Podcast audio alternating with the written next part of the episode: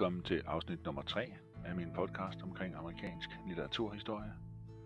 Som lovet i afsnit 2 kommer dette afsnit til at handle om uafhængighedskrigen og løsrivelsen som koloni fra Amerika øhm, og dannelsen af de forenede amerikanske stater.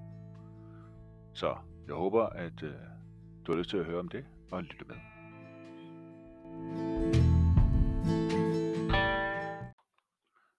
Jeg afsluttede episode 2 øh, i starten af 1700-tallet, hvor den oplysningstiden så småt er begyndt at blusse op i Europa, og også har sin indflydelse i, i USA, øh, og at øh, de her moderne tanker lidt skubber de poetanske tanker og de kristne tanker lidt i baggrunden. Øh, nu øh, er det videnskaben, der begynder at tage over, det er jorden, der skal opmåles, det er tanker, der skal sætte i system, det er facts og videnskab og oplysning, der driver værket.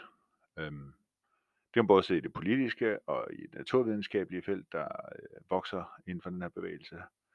Øh, men nu handler det her jo også om øh, hvad, hvad hovedfokus på litteraturhistorien. Øh, og det er jo klart, den lider jo lidt under, at snart det hele skal måles og vejes og opsummeres og katalogiseres. Øh, hvor er litteraturen så henne?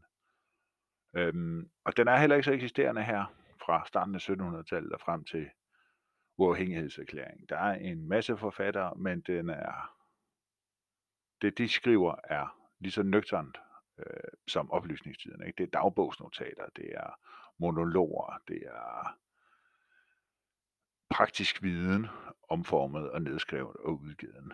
Øhm, men det er selvfølgelig også en, en, en form for litteratur, men det er mere den historiske øh, udvikling, der vil blive fokuseret på her i det her afsnit. Fordi det har selvfølgelig en kæmpe indflydelse på USA som litterær nation, at de rent faktisk bliver en nation øh, på det her tidspunkt i 1776. Men vi er jo kun i starten af 1700-tallet, så vi, vi kan starte der, og så gennemgår jeg lidt grundlæggende idéer fra de her forskellige opløsningsfilosofer, som primært er franske og engelske. Og så tager vi fat på, hvordan de har påvirket de amerikanske, og Benjamin Franklin er sådan ligesom en af de første, der selv begynder at blive bidt af den her oplysningstid og brænder igennem i, i, i hans samtid med hans tanker og hans øh, virke. Han er jo meget øh, renaissance-menneske, kan man kalde ham. Øh, han kan så godt som alt opfinder, politisk filosof, øh, politiker, øh, ambassadør, øh, forfatter, avistrykker, jeg ved ikke hvad. Han har fingrene i gennem hele sit lange liv. Men hvis vi starter og kigger på, hvordan verden ser ud her i 1710-1720 i USA og kolonierne. Øhm, der har været en kæmpestor vækst af befolkningsantallet. Øh, der er strømmet kolonister til fra Europa, og befolkningen, der bor i USA, øh, lever rigtig godt og forstår at formere sig i stort antal. Øh, før omtalt øh, Benjamin Franklin har eksempelvis 16 søskende eller halvsøskende. Det var ganske normalt med kæmpe store familier, øh, rigtig mange børn, øh, og det gjorde jo så, at befolkningstallet steg og steg. Det steg også mere, end det gjorde for eksempel i Europa, hvis man sammenligner befolkningen i, i Nordamerika, så i år 1700, der var det 5% af Englands befolkning, hvis man sammenligner størrelserne. Ikke? Øh, 5% af Englands befolkning, det var det, der boede i Nordamerika. Hvorimod i 1770, hvor det begynder at trække op til uafhængighed, der havde øh, Nordamerika altså en befolkning, der svarede til 20% af Englands befolkning. Så selvom der kom flere mennesker i England, så var der kommet mange, mange flere mennesker i USA. Dels fik de flere børn, og dels flytter der en masse folk derover. Så det var et land i rivende udvikling. Vi hopper for en stund lige tilbage til den gamle verden og England og Frankrig for at kigge på de her forskellige øh, oplysningstidsfilosofer. Øh, det var fornuften, der er højsædet, logikken, alt skulle måle sig veje, som vi tidligere snakkede om. Øh, og den første, som jeg, også, som jeg også snakkede noget om i episode 2, er jo John Locke. Han har to hovedværker, Essay Concerning Human Understanding, snakkede vi lidt om, øh, hvor at han snakker om, at mennesket skal grundlæggende have sin frihed og have lov til at bestemme og gøre, hvad han, hun ønsker at gøre. Selvfølgelig skal der være nogle naturlov, der skal være nogle regler, der skal være nogle øh, statsregler, der skal være nogle, øh, altså man kan godt bryde loven og så få en straf af det, men som udgangspunkt skal mennesket være frit, og der skal være lighed mellem mennesker, og man skal have lov til at vælge den religion, man selv synes, man, man har lyst til at tro på. Øhm, den anden øh, hovedværk, han skriver John Locke, det er, hvis man oversætter til dansk, så er det sådan to afhandlinger om statsstyre, hedder den. Øhm, og den bygger lidt ovenpå, hvor han begynder at snakke om staten, og begynder at snakke om, øh, hvad for nogle øh, samfundstilstanden, der skal være, og hvordan og hvorledes øh, man skal opbygge en stat, hvor de her frihed og lighed øh, for mennesker, de er der. Og der begynder han så lidt at tage fat på det, som Montesquieu, en fransk filosof, der kommer senere, øh, kommer frem til med den der tredeling af magten, den udøvende, lovgivende og dømmende magt, træenighed. Ikke? Den begynder at lokke med, og så er det så Montesquieu fra Frankrig, der så viderefører den og formulerer den i en endegyldig form, som rigtig mange lande, også Amerika og hvad hedder de, de the founding fathers derover, de tog til sig, det var den her tredeling af magten, den udøvende, lovgivende og dømmende magt, som skal fungere i et demokrati, hvor at der ikke er en konge, som er på hele magten. Man skal deles op i tre i en, øh, for at det kan fungere.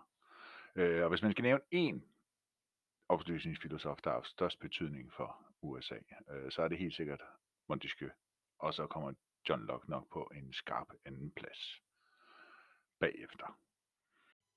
Og nu er det ikke fordi, jeg har tænkt mig at rangere oplysningsfilosoferne ud fra deres betydning i USA. Øh, der er en lang række af dem. Men hvis vi skal nævne nogle flere, eller hvis jeg skal nævne nogle flere, så er øh, Voltaire selvfølgelig også en vigtig oplysningsfilosof i USA med hans øh, idealer omkring, øh, man må sige, hvem vil, man må kritisere sin religion, man har sin ytringsfrihed, øh, og nogle af de ting, som han blev meget kendt for. Øh, og den sidste af de tre store franske er jo Rousseau, øh, som også havde de her samfundstilstanden og naturtilstanden, som han synes, det var sådan et ideal samfund, man skulle stræbe efter.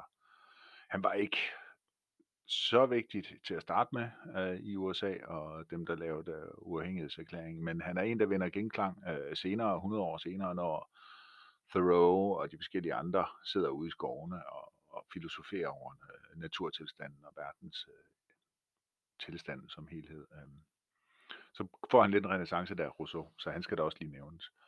Øh, en anden sjov ting med Rousseau er, at han var den første filosof, der begynder lidt at snakke om børn øh, og børns rolle som mere end bare øh, små arbejdsmænd. Altså, at børn skal have ret, rettigheder ligesom voksne, at de skal have rettigheder til at lege og til at have deres eget liv og til at udvikle sig. Øhm, der er rigtig mange af specielt folk i lavere samfundsklasser øh, bare betragtede børn som en arbejdskraft, der ikke kunne så meget som de voksne, men de skulle ikke spise så meget, og så var det bare med at knokle derud af, ligesom øh, de voksne. Øh, der var Rousseau, Rousseau så den første, der fokuserede på barnens tag, kan man sige. Øhm, og fælles for de her filosofer er selvfølgelig, som næsten altid, at de kommer jo fra øh, toppen af samfundet. Øh, det er jo øh, adelige og intellektuelle folk, der sidder og formulerer deres tanker, og så kom de her oplysningstidstanker og så sivende ned igennem samfundet. Øh, støt og roligt bliver de så påvirket øh, de forskellige samfundsgrupper. En anden engelsk oplysningsfilosof, eller skotsk var han, var øh, jo så Adam Smith, der også lige skal nævne, selvom han kommer lidt, øh, lidt senere. Øh, han er også nævnt som en af liberalismens forfædre med hans måde at betragte produktion øh, og hvordan man producerer, hvordan man effektiviserer, hvordan man øh, laver den her frihandel og det her marked, øh, som bliver en vigtig rolle i øh, industrialiseringen, øh, men også med, hvordan at man kunne få lov til det igen, den her frihed, øh, som gennemsyrer hans tanker også med, at man skal lave det, man gør bedst, og man skal strukturere det rigtigt og fokusere på enkelte dele af en produktion, øh, som en arbejder for eksempel gør igen og igen, så bliver han enormt god til det, og så stiger øh, outputtet, eller hvad man siger, det man får lavt stiger. Øh, og så på den måde producerer man mere øh, ved at sætte det i system. Øh, og så skulle alle folk sådan set bare producere det, de er bedst til. og så var der en, en tro på, at markedet regulerer sig selv, at hvis der er nogen, der producerede for meget af en ting, jamen så faldt priserne, så er der nogen, der stoppede med at producere det, og så ville de producere noget andet i stedet for. Øh, og på den måde vil det regulere sig selv. Han har det som lidt som sådan en Guds hånd, der regulerer markedet. Øh.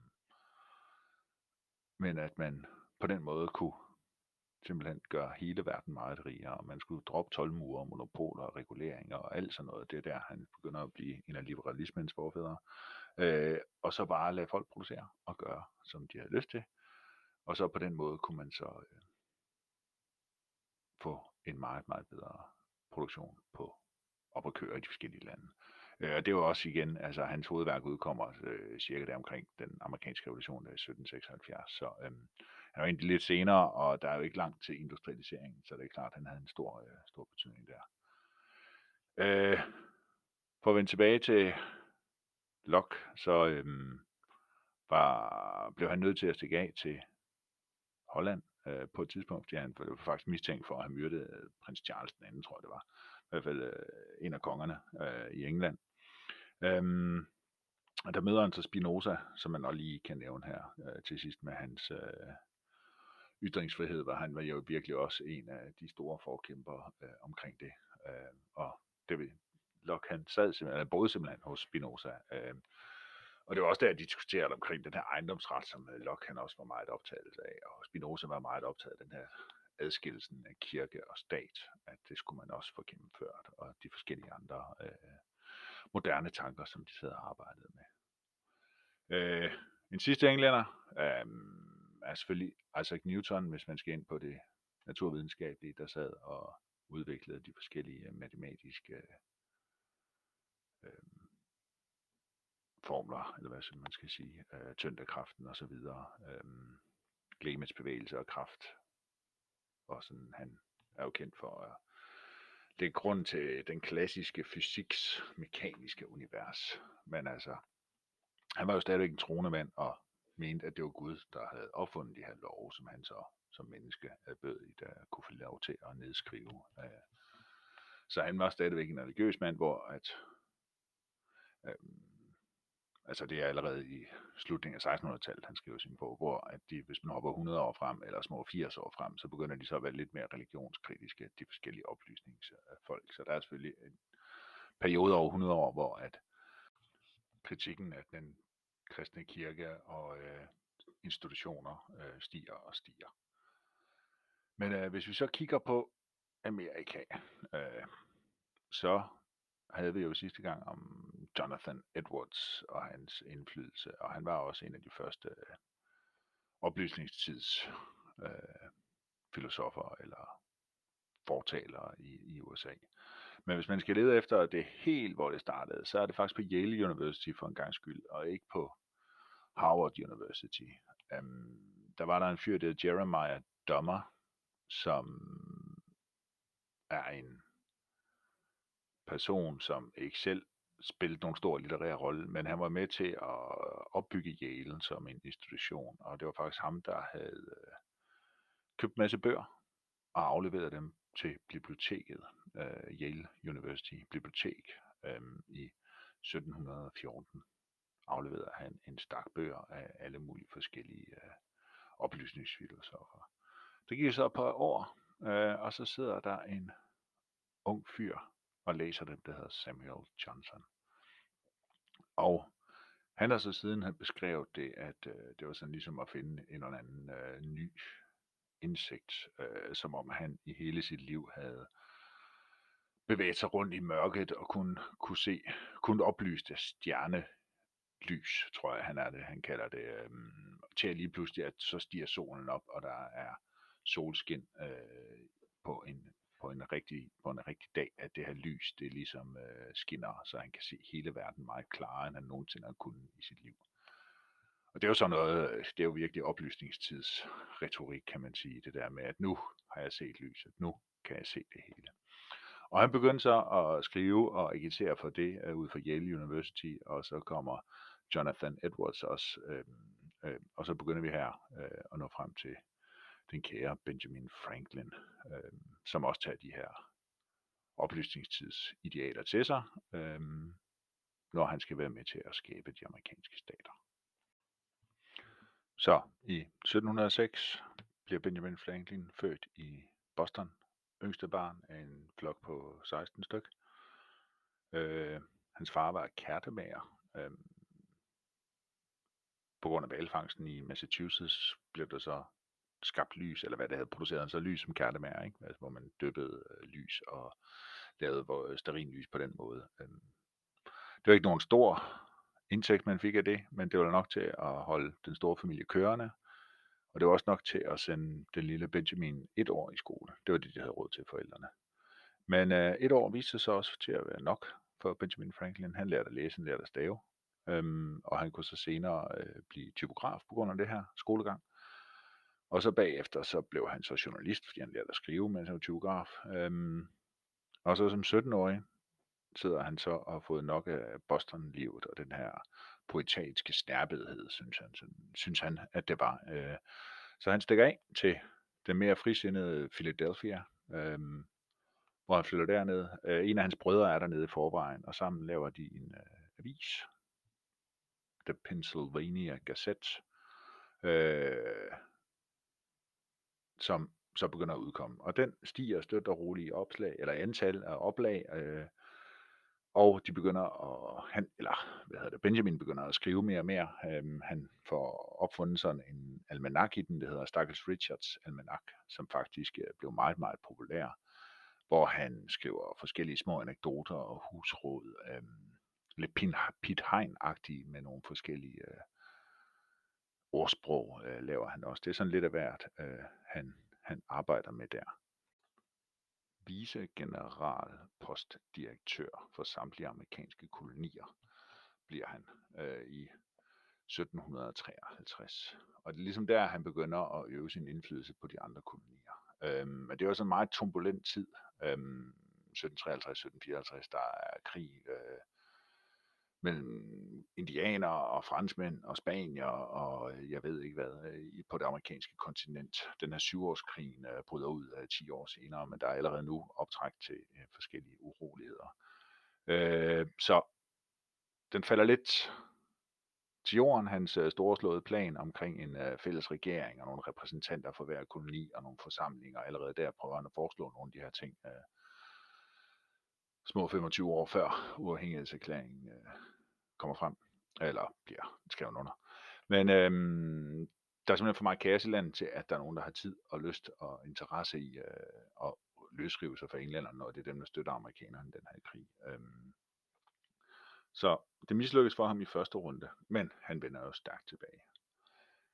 Men den her kaoskrig, øh, nogen kalder det 80-årskrigen, andre kalder det øh, begyndelsen på den her syvårskrig. Den startede først 1763, øh, og der er masser af andre navne for den her øh, krig, der strækker sig over lang tid, primært mellem franskmændene og englænderne i kolonitiden, eller i kolonierne, øh, hvor den engelske koloni Kanada øh, og, de, og de franske soldater deroppe bekriger de engelske kolonier. Øh, og det er værd, man lige skulle gennemgå den for at den er faktisk en vigtig skridt mod uafhængigheden øh, for USA, også vigtigheden i øh, det amerikanske militær, øh, hvordan og hvorledes den bliver opbygget, så at de rent faktisk kan bekæmpe englænderne, når de så endelig prøver på at løsrive sig, eller løsriver sig, hedder det, øh, Amerika. Øh, og det første af de indianerkrigene, vi har snakket om, hvor at New England-staten oprettede deres egen militærkorps, som bekrigede de her indianere, og selv lykkedes sig at, at slå, slå fjenden ned uden hjælp fra moderlandet England. Det var sådan den første skridt i den her militarisering af de forenede stater. Og andet skridt kommer så her i, lad os kalde det 80-årskrigen, den her langvarige konflikt mellem England og Kanada. Øhm, og den starter sådan set i, ja, så skal vi et stykke tilbage i 1608, hvor Frankrig får fodfæste i Nordamerika øhm, op i Kanada. Franskmændene havde ikke den store koloniseringsplan med det amerikanske kontinent, som englænderne havde. Altså, det var mest for handelsveje øh, og øh, specielt bæver og pelse øh, var de meget interesserede i. De øh, kunne godt se noget strategisk betydning i at have indflydelse på det amerikanske kontinent, nu der er kommet flere og flere mennesker derover. Og de var faktisk franskmændene, der begyndte at udforske sådan, hvad skal vi sige, det indre af USA. Øhm, de startede op i det nuværende Canada i St. Lawrence-floden. Det er der, hvor Quebec ligger, der hvor den løber ind der. Og så brugte de søvejene, det gjorde man jo meget i USA, fordi det var det hurtigste at sejle på søvejen, det var ligesom motorvejene dengang. Så sejlede de sø- og flodvejen ind fra Quebec hele vejen ind til en af de første af de der fem store søer, der er inde i mellem USA og Canada. Lake Ontario hedder den første. Den forbinder den flod. Og så kunne de hoppe fra en flod eller en sø til en anden sø, sø og så kunne de så til sidst ramme ind i Mississippi-floden. Og så kunne de tage Mississippi-floden hele vejen ned til Texas og Mexico, ned den karibiske øh, golf, dernede, eller meksikanske golf hedder det. Så de havde faktisk en vandforbindelse hele vejen op fra Canada og hele vejen ned til det meksikanske golf, franskmændene. Øhm, og det kunne de godt se den strategiske betydning også, det fordi det var i krig med den spanske konge indimellem og kunne signere ham dernede. Og så var det sådan ligesom taget bag om ryggen på alle de amerikanske eller engelske kolonier, var der lige pludselig fransk område. Øhm, så det franske opdagelsesrejsende, der tog de her ture, de øh, plantede flag og krævede det til den franske konge Louis.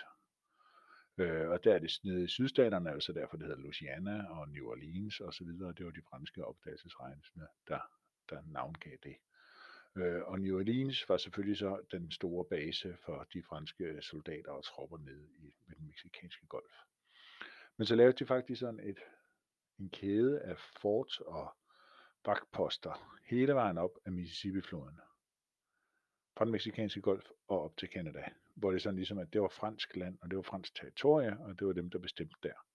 Og så på den måde kunne, var det sådan set ligesom boksede de engelske øh, kolonister inde, eller amerikanerne, inde i det område, der så hedder Østkysten, øh, frem til Mississippi-floden. Så er det så ligesom der, amerikanerne kunne være, eller englænderne kunne være.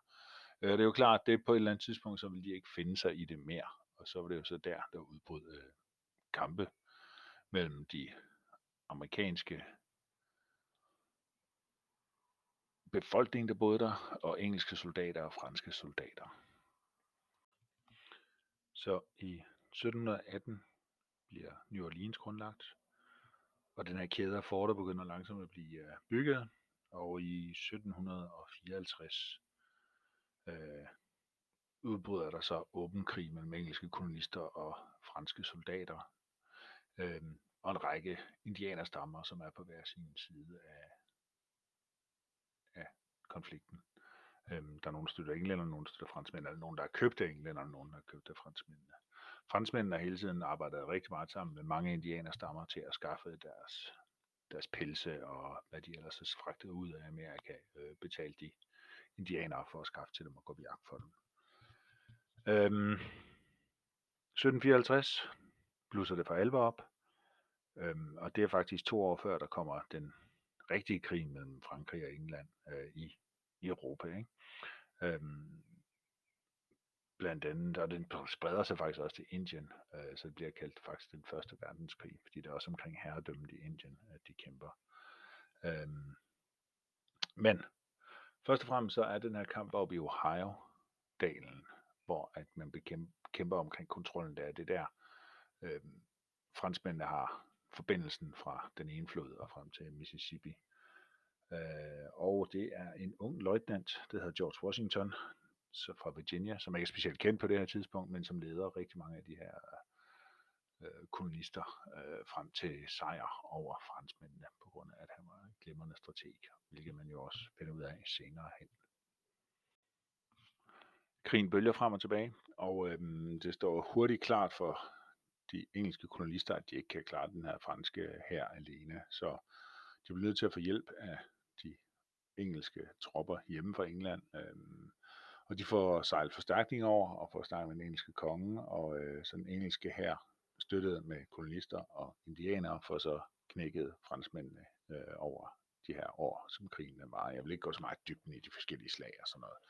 Det, der er vigtigt at pointere, er, at de engelske kolonister måde at kæmpe på var ikke ligesom i Europa. I Europa på det her tidspunkt, 1700-tallet, der var krig sådan en gentleman sport. Det var lidt som at spille skak, man stillede herrerne pænt op over for hinanden i små firkanter. Hvis man var en gentleman, så lød man fjenden skyde først en gang imellem. Øh, man brugte strategier, man aftalte øh, tidspunkter, man mødes på. Der var nogle gange, der var tilskuere med, så der var tilskuerpladser til de her store slag, hvor de to generaler rykkede herrerne frem og tilbage, som om man spillede skak med levende mennesker.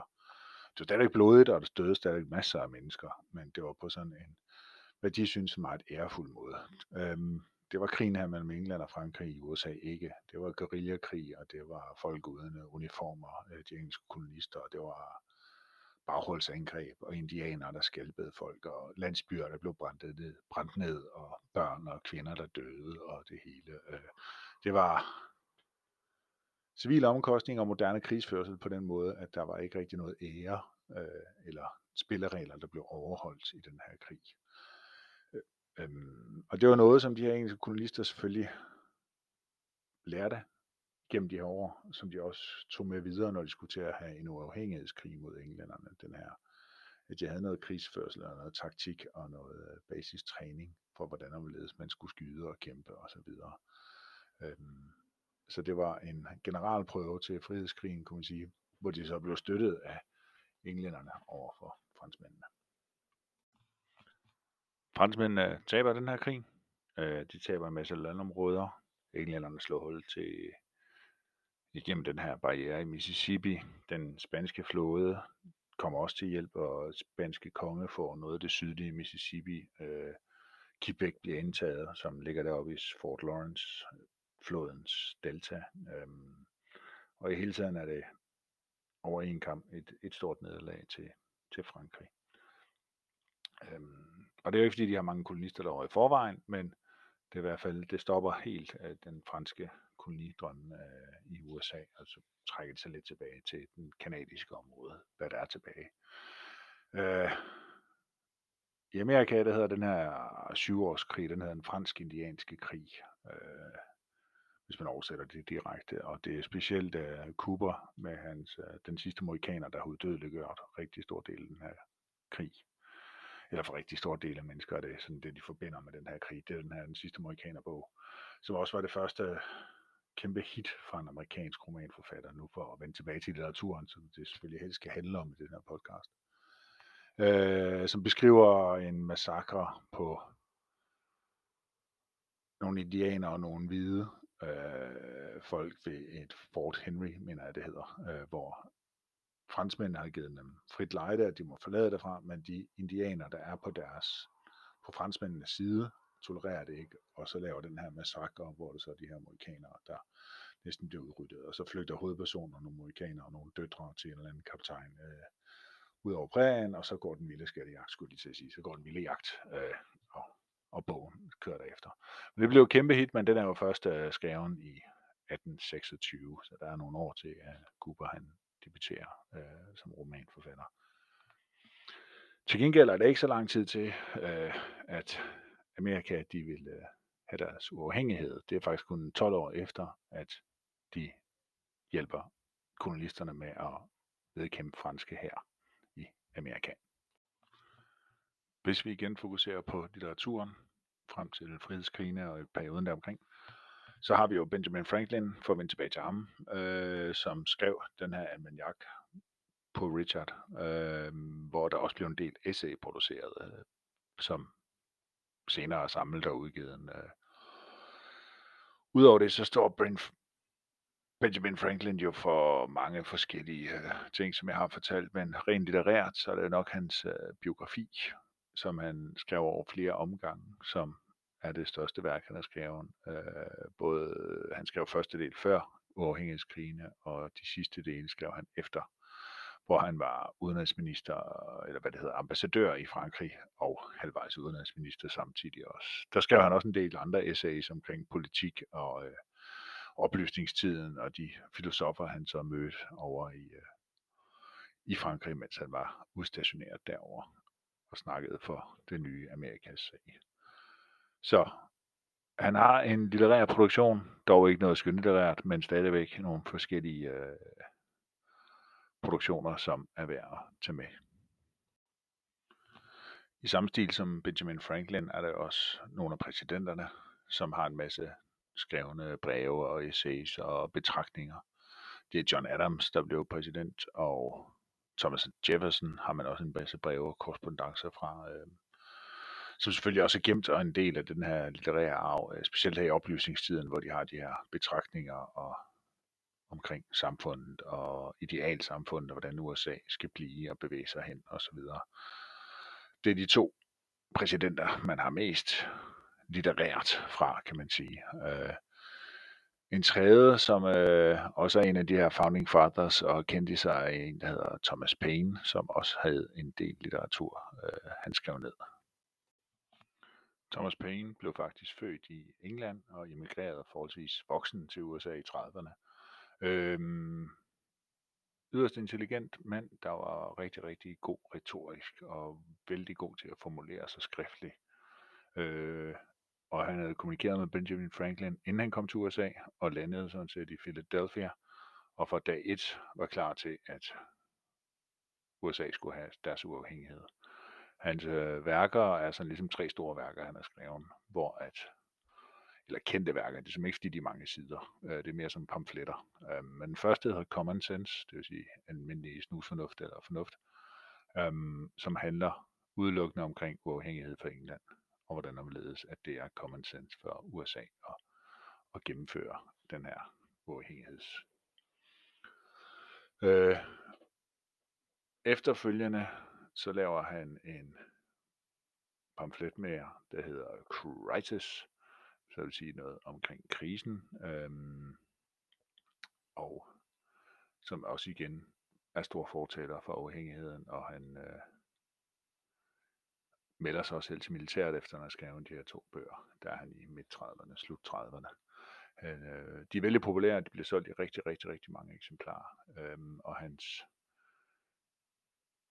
sidste kendte værk øh, er, hvor han efter krigen vender tilbage til England og udgiver en bog omkring øh, kritik af monarkiet i England. Fordi nu vil han så også have en, det engelske monarkomstyret. Ikke nok med, at han fik det amerikanske frihedskrig, øh, eller amerikanerne fik deres frihed, så skulle de englænderne også have deres frihed fra monarken. Øh, den hedder Rights of Man, som ikke får så godt en modtagelse, og han bliver jagtet, og den engelske konge får at blive arresteret, og han flygter til Frankrig, hvor han så bliver rodet ind i den franske revolution. Øhm, og der opdager han så, eller oplever på egen hånd, hvordan den her franske revolution og alle dens henrettelser, hvor slemt det kan være at omstyrte sådan en monark og monarki. At han faktisk lidt fortryder det og begynder at udtale sig sådan lidt, ikke for den franske konge, men alligevel lidt derhen af, så at de franske revolutionister tror, at han er på den franske konges side, så de begynder at jagte ham også. Og så er det faktisk takket være øh, den amerikanske ambassadør, der er i Frankrig på det tidspunkt, gemmer ham i den amerikanske ambassade og får ham fragtet til USA igen, hvor han så bliver boende resten af sit liv, indtil han dør. Øhm, han er ikke specielt populær i den sidste del af sit liv. Øh, han prøver at skrive nogle bøger omkring oplysningstiden og prøver at blive anerkendt igen, men hans virke er sådan ligesom slut, og han øh, bor i staten New York, nord for byen New York, øh, indtil han bliver begravet på den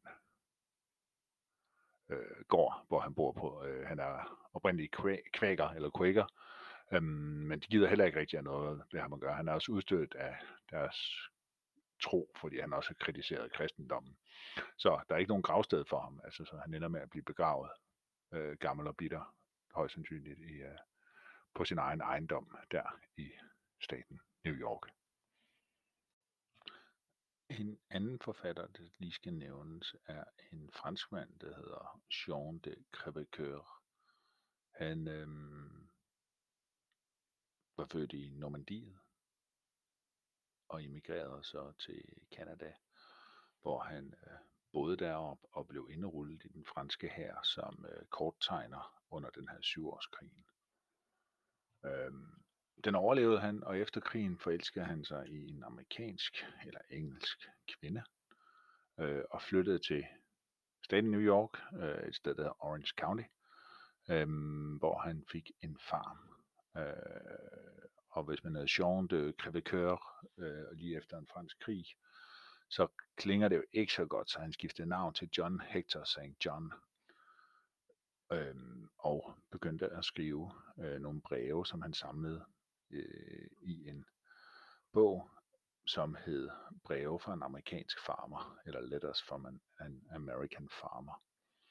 Øh, det blev faktisk en af de største litterære succeser i Europa fra en amerikansk forfatter, øh, hvor han beskriver det her liv på de her farme i Amerika, hvor man ligesom skulle kunne det hele selv, man skal kunne forsvare det selv, men man skulle også være smed og læge og tømmer og dyrlæge og have styr på dyr og høste og opdrage børn og lære børn øh, i skolegang og en hel masse ting skulle du kunne øh, som sådan en øh, selvdreven, øh, hvad skal man sige, institution i sig selv. Øh, og det prøver han at beskrive sådan lidt filosofisk også, kommer meget ind på den her, altså øh, et eller andet, der er sådan en grundlæggende amerikansk drøm, han beskriver med, hvad for en frihed man har, ved at man kan gøre præcis det, man vil, og udvikle sig, hvordan og hvorledes man vil. Øh, og det samme også med hans baggrund og alle mulige andres baggrund, at alle folk har en mulighed for at komme hertil. Det var den amerikanske drøm med, at alle folk kan komme til Amerika og blive til noget stort. Øh, han startede som en fransk fjende, men alligevel ind som en amerikaner, øh, hvor han skriver den her bog, som så har en stor succes med det. Men den amerikanske drøm inkluderede selvfølgelig ikke øh, de slaver, der blev hentet i Afrika. De kunne ikke følge drømmen, ligesom resten af kolonisterne. Øhm, men der er dog en, der stak ud, da hun hed Phyllis Wheatley. Hun øh, var syv år, da hun kom til USA, øh, i, hen til Wheatley-familien, der så købte hende. Øhm, og her havde familien to børn, som lærte Phyllis at skrive og stave. Øh, først engelsk, og så senere, havde, senere hen græsk og latin, og hun begyndte at læse digte, og hun viste sig at være rigtig, rigtig dygtig. Øh, da hun var 12 år, der læste hun flydende græsk og latin, og da hun var 14 år, skrev hun sit første digt. Øhm, og det var den her, hendes litterære måde at skrive på, som vækkede virkelig opsigt, fordi hun var faktisk rigtig, rigtig god til at skrive de her digte. Det var religiøse digte, det var elegier, det var små kommentarer, det var det første digt, hun skrev, det hed To the University of Cambridge in New England, altså til universitetet, Cambridge Universitetet. Um, det var meget ikke personlige ting, hun beskrev, men det var meget flot lyrisk, det hun skrev. Uh, og det gjorde, at hun faktisk skulle forsvare, at det var hende, der havde skrevet det sidenhen, øh, da hun så endelig fik udgivet sin første bog.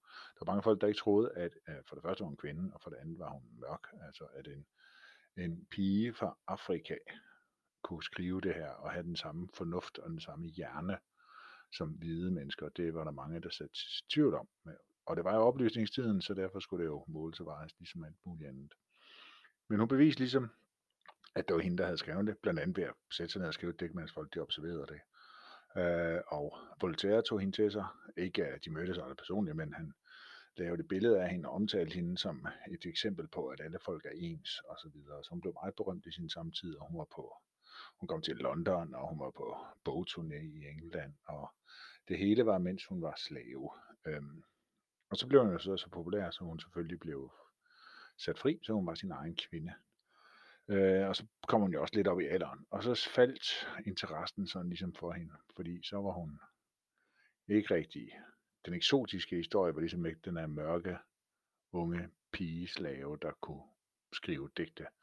Det var sådan ligesom det, som folk de øh, købte ind på, og folk de synes var fascinerende, så derfor så faldt interessen for hende. Øhm, hun udviklede aldrig rigtig den store lyriske stil med, at hun, hun havde et rimelig turbulent tid, eller liv hedder det, med hun blev gift, hendes børn døde, hendes mand døde, og der skete en masse ting med alle de her digte, det kom aldrig ind på det der. Hun berørte aldrig noget personligt. Det blev ved med at være de der elegier øh, og religiøse digte og andre digte og episoder, hun beskrev, og et digt til kongen og så videre. Øh, hun blev aldrig personlig, og det var nok derfor, at hun ligesom sådan fadede væk og aldrig øh, i sin voksenliv blev den store anerkendte lyriker. Og så afslutter vi jo så med uafhængighedskrigen. Øhm, baggrunden for krigen var jo faktisk den krig, der var der før syvårskrigen, hvor de bekæmpede franskmændene. Det var dyrt at føre krig for englænderne, øh, både i USA og i Indien og i Europa. Øhm, så de øh, ville de skulle have nogle flere penge i statskassen, og derfor hævede de skatterne i, i USA eller i Amerika. Folk i England betalte cirka 3-4 gange så meget i skat til den engelske kongehus eller krone, end uh, de gjorde i USA. Og derfor hævede de så skatterne, så at der kunne komme nogle penge i statskassen efter den her dyre krig. Og om ikke andet, så var det mindst at betale for de engelske soldater, som var udstationeret i USA eller i Amerika. Øhm, det var selvfølgelig ikke noget, der passede befolkningen specielt godt i Amerika, og øh, specielt i Boston og Massachusetts-området øh, begyndte der at ulme et oprør. Øh, der har vi fætterne John Adams, som jo bliver præsident senere hen, og hans ja, fætter Samuel Adams, som også var en øh, stor øh, fortaler for uafhængigheden. Øh, de øh, laver protester og aktioner og skriver i aviser og det er også i Boston, den der Common Sense, den vender rigtig stort frem, den her Thomas Paine skrift, eller pjæse folder, som jeg snakkede om før. Øh, og der er John Adams ude og benægter, at det er ham, der har lavet den, selvom man synes, den er rigtig god, så vil han ikke tage kredit for den. Den er anonym skrevet, fordi det kunne være farligt at skrive sådan noget, man kunne blive sat i fængsel for det. Så efter 10 år med brændskatninger øh, er vi så fremme i 1773, hvor episoderne eskalerer endnu mere i USA. Vi har det engelsk-østindiske kompani, det er dem, der står for tehandlen. De øh, bliver fritaget for den 12, som den engelske krone også opkræver for at få penge i statskassen. Det vil sige, at deres te bliver ekstremt billigt, og de får et monopol, hvor de kan underbyde alle andre. Og de sejler i forvejen en hel masse til, til USA, men nu sejler de rigtig meget derover igen, eller endnu mere, for at få tjent nogle hurtige penge. Det resulterer sig i, at i New York og Philadelphia, som er to af de andre havne i øh, USA, får man overtalt kaptajnen til nogle af de her T-skibe til at sejle igen, og man ikke vil have deres varer, og de underbyder de amerikanske leverandører osv. Men i Boston får de lagt til, og skibene til, og der er der så den før omtalte Samuel Adams. Han har en flok, en bande, øh, kan man sige, nogen der hedder øh, Frihedssønderne eller Sons of Liberty, som klæder sig ud, sniger sig ned på havnen. De klæder sig ud som indianere med mohawks, øh, og sniger sig ned på havnen og smed alt den her ting ud i vandet, eller ned i vandet, så det blev, gik i, så det blev destrueret. Det var det, der så blev kaldt The Boston Tea Party øh, som ligesom var startskuddet til det væbnede oprør. Den her handling, den synes den engelske kong George, den hører om det, så siger han, nu er bæret fyldt, nu, nu gider jeg simpelthen ikke mere. Og så får han sendt tropper afsted i skibe og forlanger øh, væbnede tilstande, og det hele skal slås ned med hård hånd osv.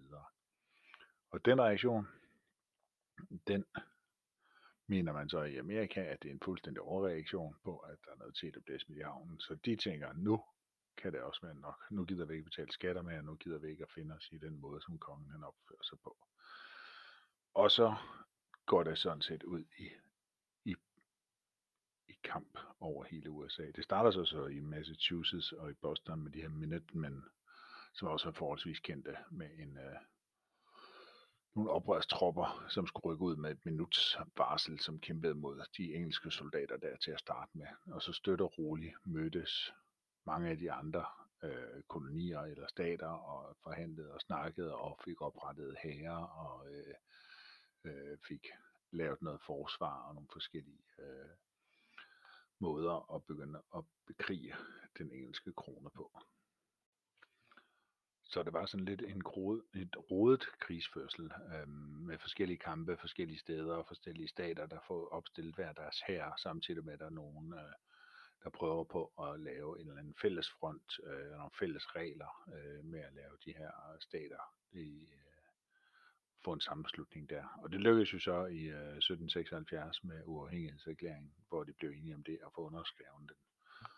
Øh, det vil sige, det er jo så to-tre år inde i den her krig, som varer syv år. Det vil sige, de kæmper i fire år mere, mens de har lavet den overhængighedserklæring. Det vil sige, det veksler lidt frem og tilbage med, hvad skal de gøre, og hvordan og hvorledes. Øh, papirerne er skrevet under, men derfra og så til at udføre det, er der også langt rigtig mange af de her ting, som er i uafhængighedserklæringerne. Så nogle ting som fælles mønt, for eksempel, hvordan øh, fælles valuta, øh, infrastrukturen, postsystemet, alle de der ting, kæmpede de, eller kæmpede det med, men samtidig med, at de kæmpede mod englænderne, prøvede de på at finde ud af at lave et, et land på den, samme, på den samme tid. Så der var sådan en meget kaotisk øh, periode, øh, hvor man så samtidig havde den her berømte general Washington, der tog alle de store slag. Øh, ikke fordi, at han var den bedste strateg, men han var også en meget øh, koldblodig og øh, havde et kæmpe temperament og kunne opildne folk, og folk var sådan respekt, meget respekt for ham og bange for ham. Øh, han var en kæmpe stor mand øh, på det tidspunkt. Øh, hans fysiske størrelse og hans øh, raserianfald gjorde, at folk de adlød ham øh, og gjorde, hvad han ville. Og det kan godt være, at det han så ikke havde på det strategiske niveau, havde han så på at presse folk ud i det umulige.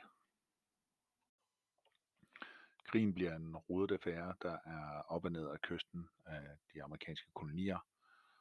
Og midt under alle kampene melder den gamle fjende sig Frankrig ind i kampen igen. Den er gang på Amerikas side, så det kommer sammen med den franske flåde og bryder nogle af de blokader, den engelske flåde har lavet på nogle af øh, byerne.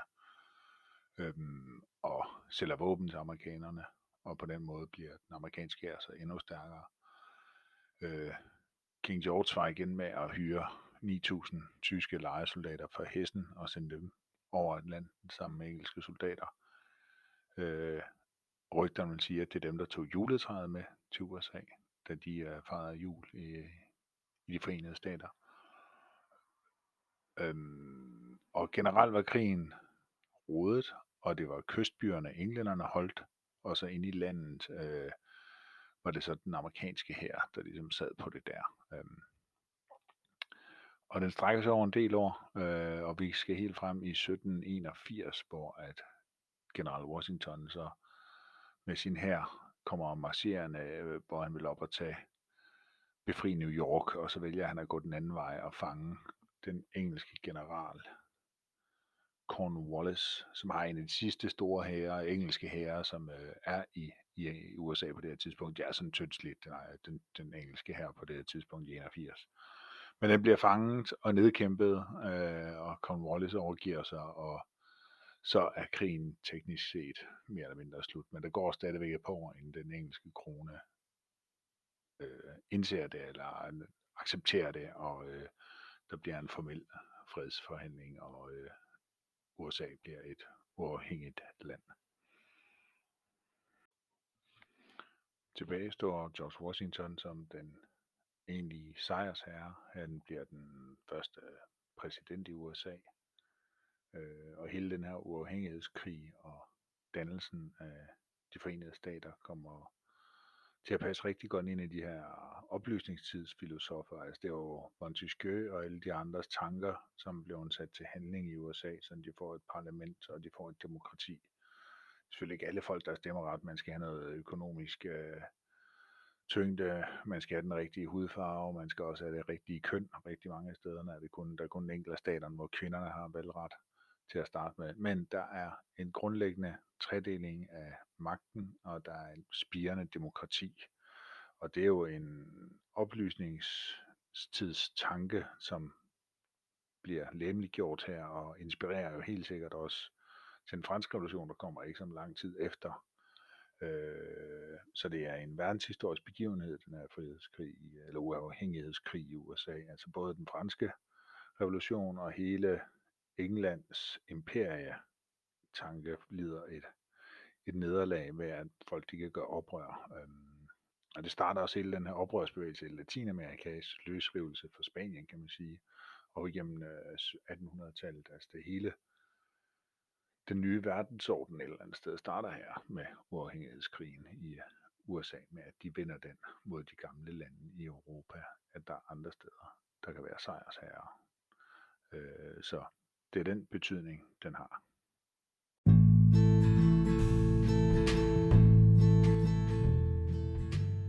Så dermed er USA grundlagt, Amerika er dannet.